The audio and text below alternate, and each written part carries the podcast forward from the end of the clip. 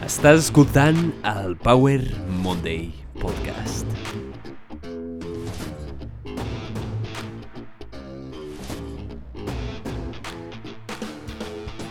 Benvinguts al Power Monday Podcast, sóc en Pau, el teu apassionat de fitness, motivació i ciència. En aquest episodi parlarem una mica de les nostres decisions, les nostres responsabilitats i si algú pot decidir per nosaltres.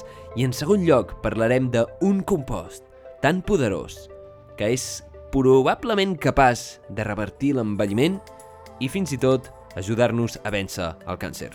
D'això parlarem en aquest episodi. La frase de la setmana diu així La responsabilitat de les nostres vides ens pertany només a nosaltres. La responsabilitat de les nostres vides ens pertany només a nosaltres, d'Eduardo Infante. Per sort, molts de nosaltres estem condemnats a ser lliures. Estem condemnats a ser lliures, és a dir, tenim una vida en la que podem decidir què fer, i això es tradueix a llarg termini en decidir què ser sempre he sigut una persona indecisa. És a dir, sempre m'he identificat amb aquella persona que li costa prendre decisions, que li costa decidir què fer. El problema ve quan, en realitat, decidir no és dir que sí a una cosa, sinó que és dir que no a infinitat de coses. Només ser conscient d'això ja et dona una mica de por, no? Perquè en realitat estàs renunciant a moltes altres coses quan estàs decidint. Quan decideixes, renuncies a moltes vides, a moltes possibilitats que tindríem.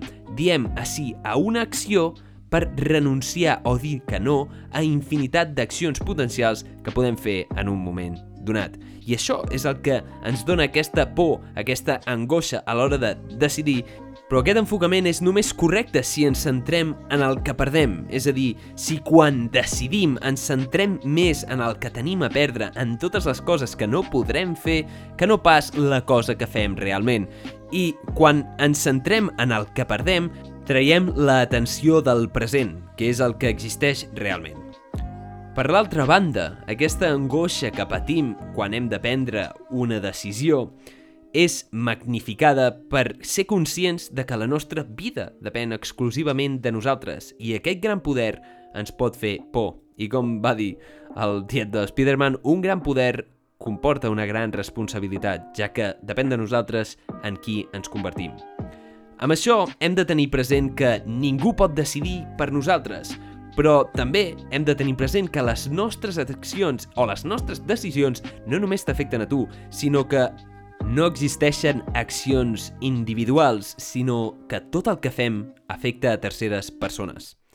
Per tant, tot i que ningú pot decidir per tu, hi ha gent que està impactant les teves decisions amb les seves decisions. I ser conscient d'això fa que ens adonem del nostre poder i del poder que tenen els altres sobre nosaltres. Realment estàs decidint per tu mateix o estàs decidint en funció dels altres? És un tema que val la pena potser reflexionar perquè al cap i a la fi ens convertim en el que decidim i el que decideixis determinarà la teva vida. Pots decidir viure d'una manera o viure d'una altra, perquè al final aquesta experiència és única.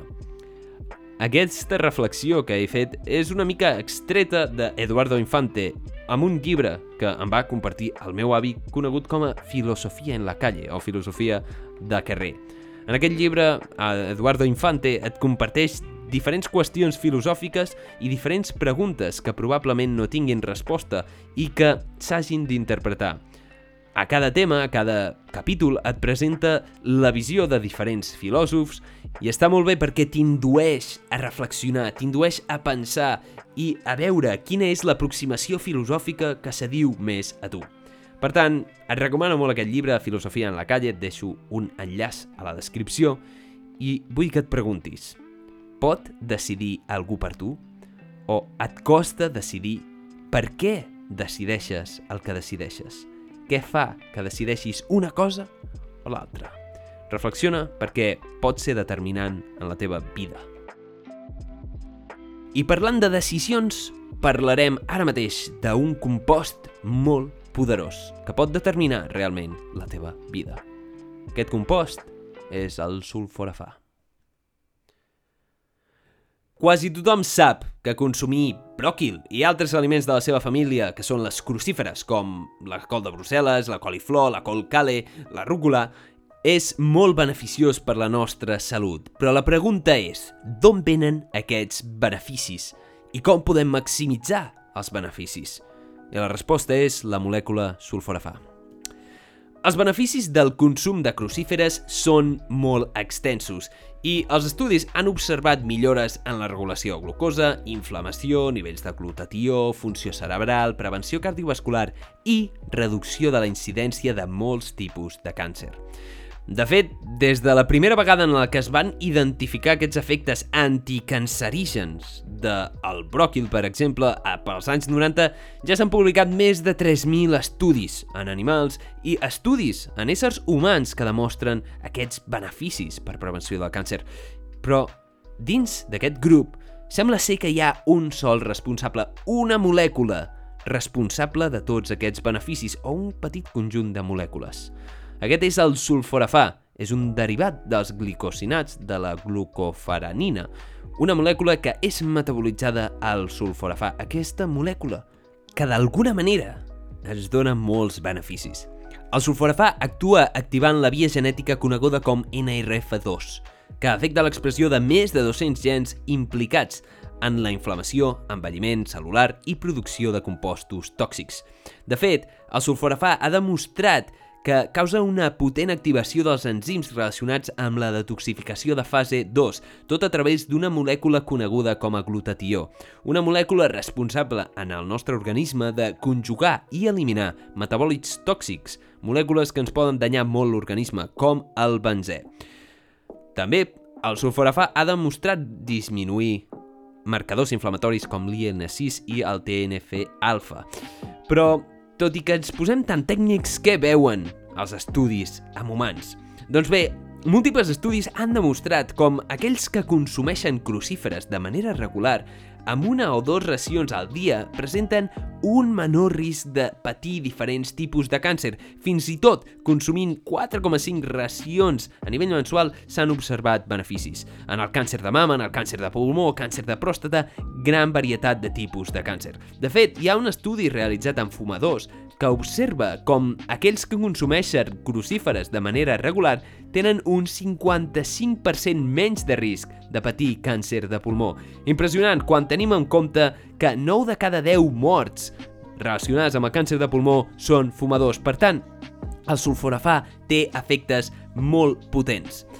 D'acord, llavors, el consum de crucíferes ha demostrat que disminueix el risc de patir càncer i podria ser una coincidència, ja que la gent que menja crucíferes tendeix a menjar més saludable i tenir una vida més saludable. Però, i si ja tens càncer? I si ets una persona que ja està patint càncer? Llavors, alguns estudis sí que han observat que pot tenir beneficis amb gent que ja té càncer. Per exemple, menjar bròquil o Consumir crucíferes de forma regular va demostrar que aquelles persones que tenien càncer de pròstata tenien una reducció del 50% de la mortalitat. Tot i això, vull que quedi una cosa molt, molt clara, molt clara, si us plau.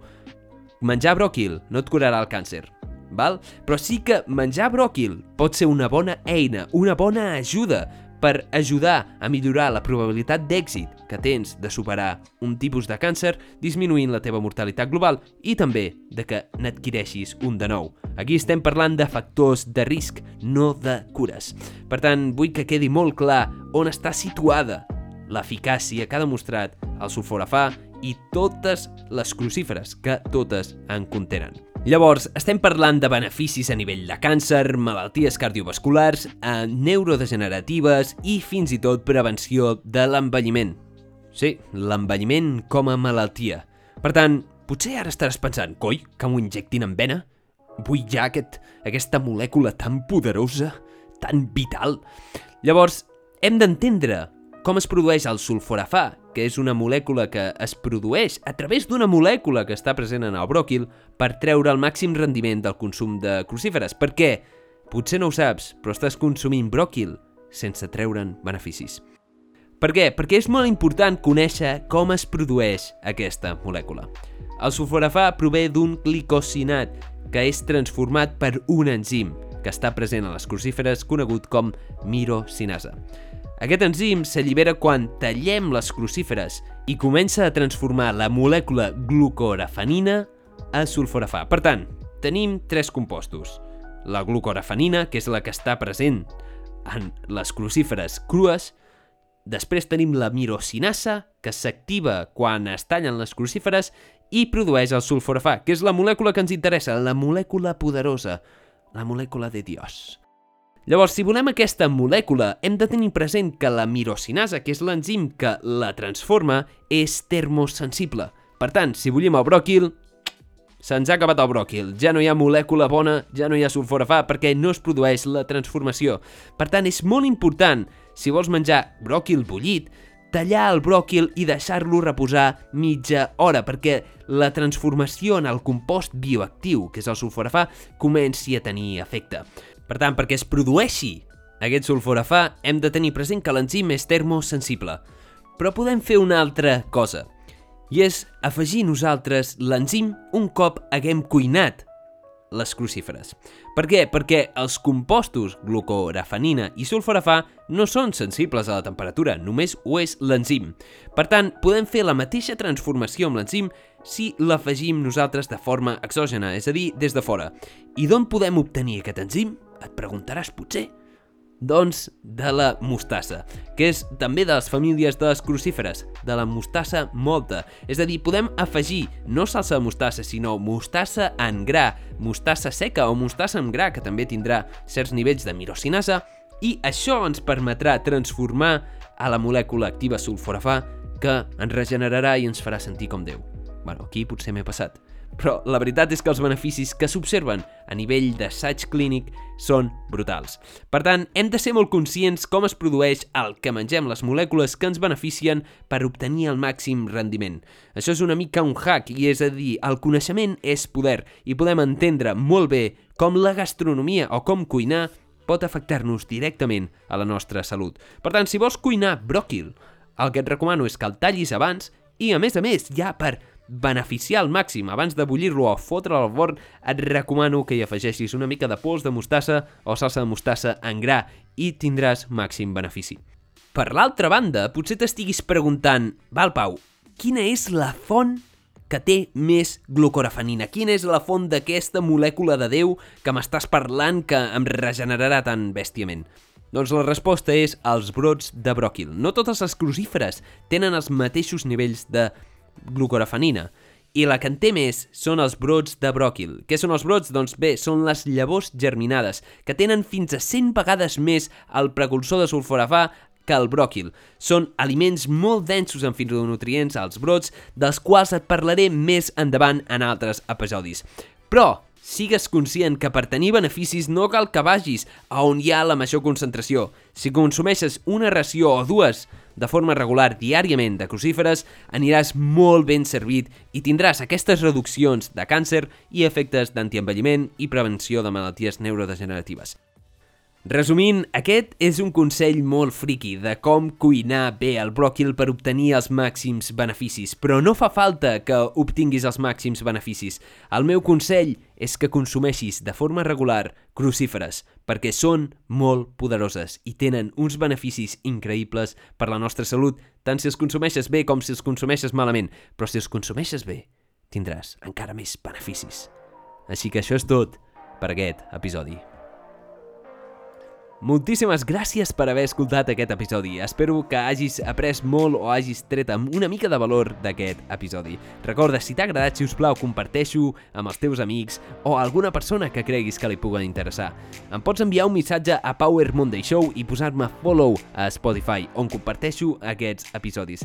Recorda, les teves decisions depenen exclusivament de tu, però impacten els altres i el sulforafà és aquesta molècula increïble que podem obtenir si cuinem adequadament el, les crucíferes com el bròquil i poden tenir efectes antienvelliment i efectes molt potencials per prevenir el càncer.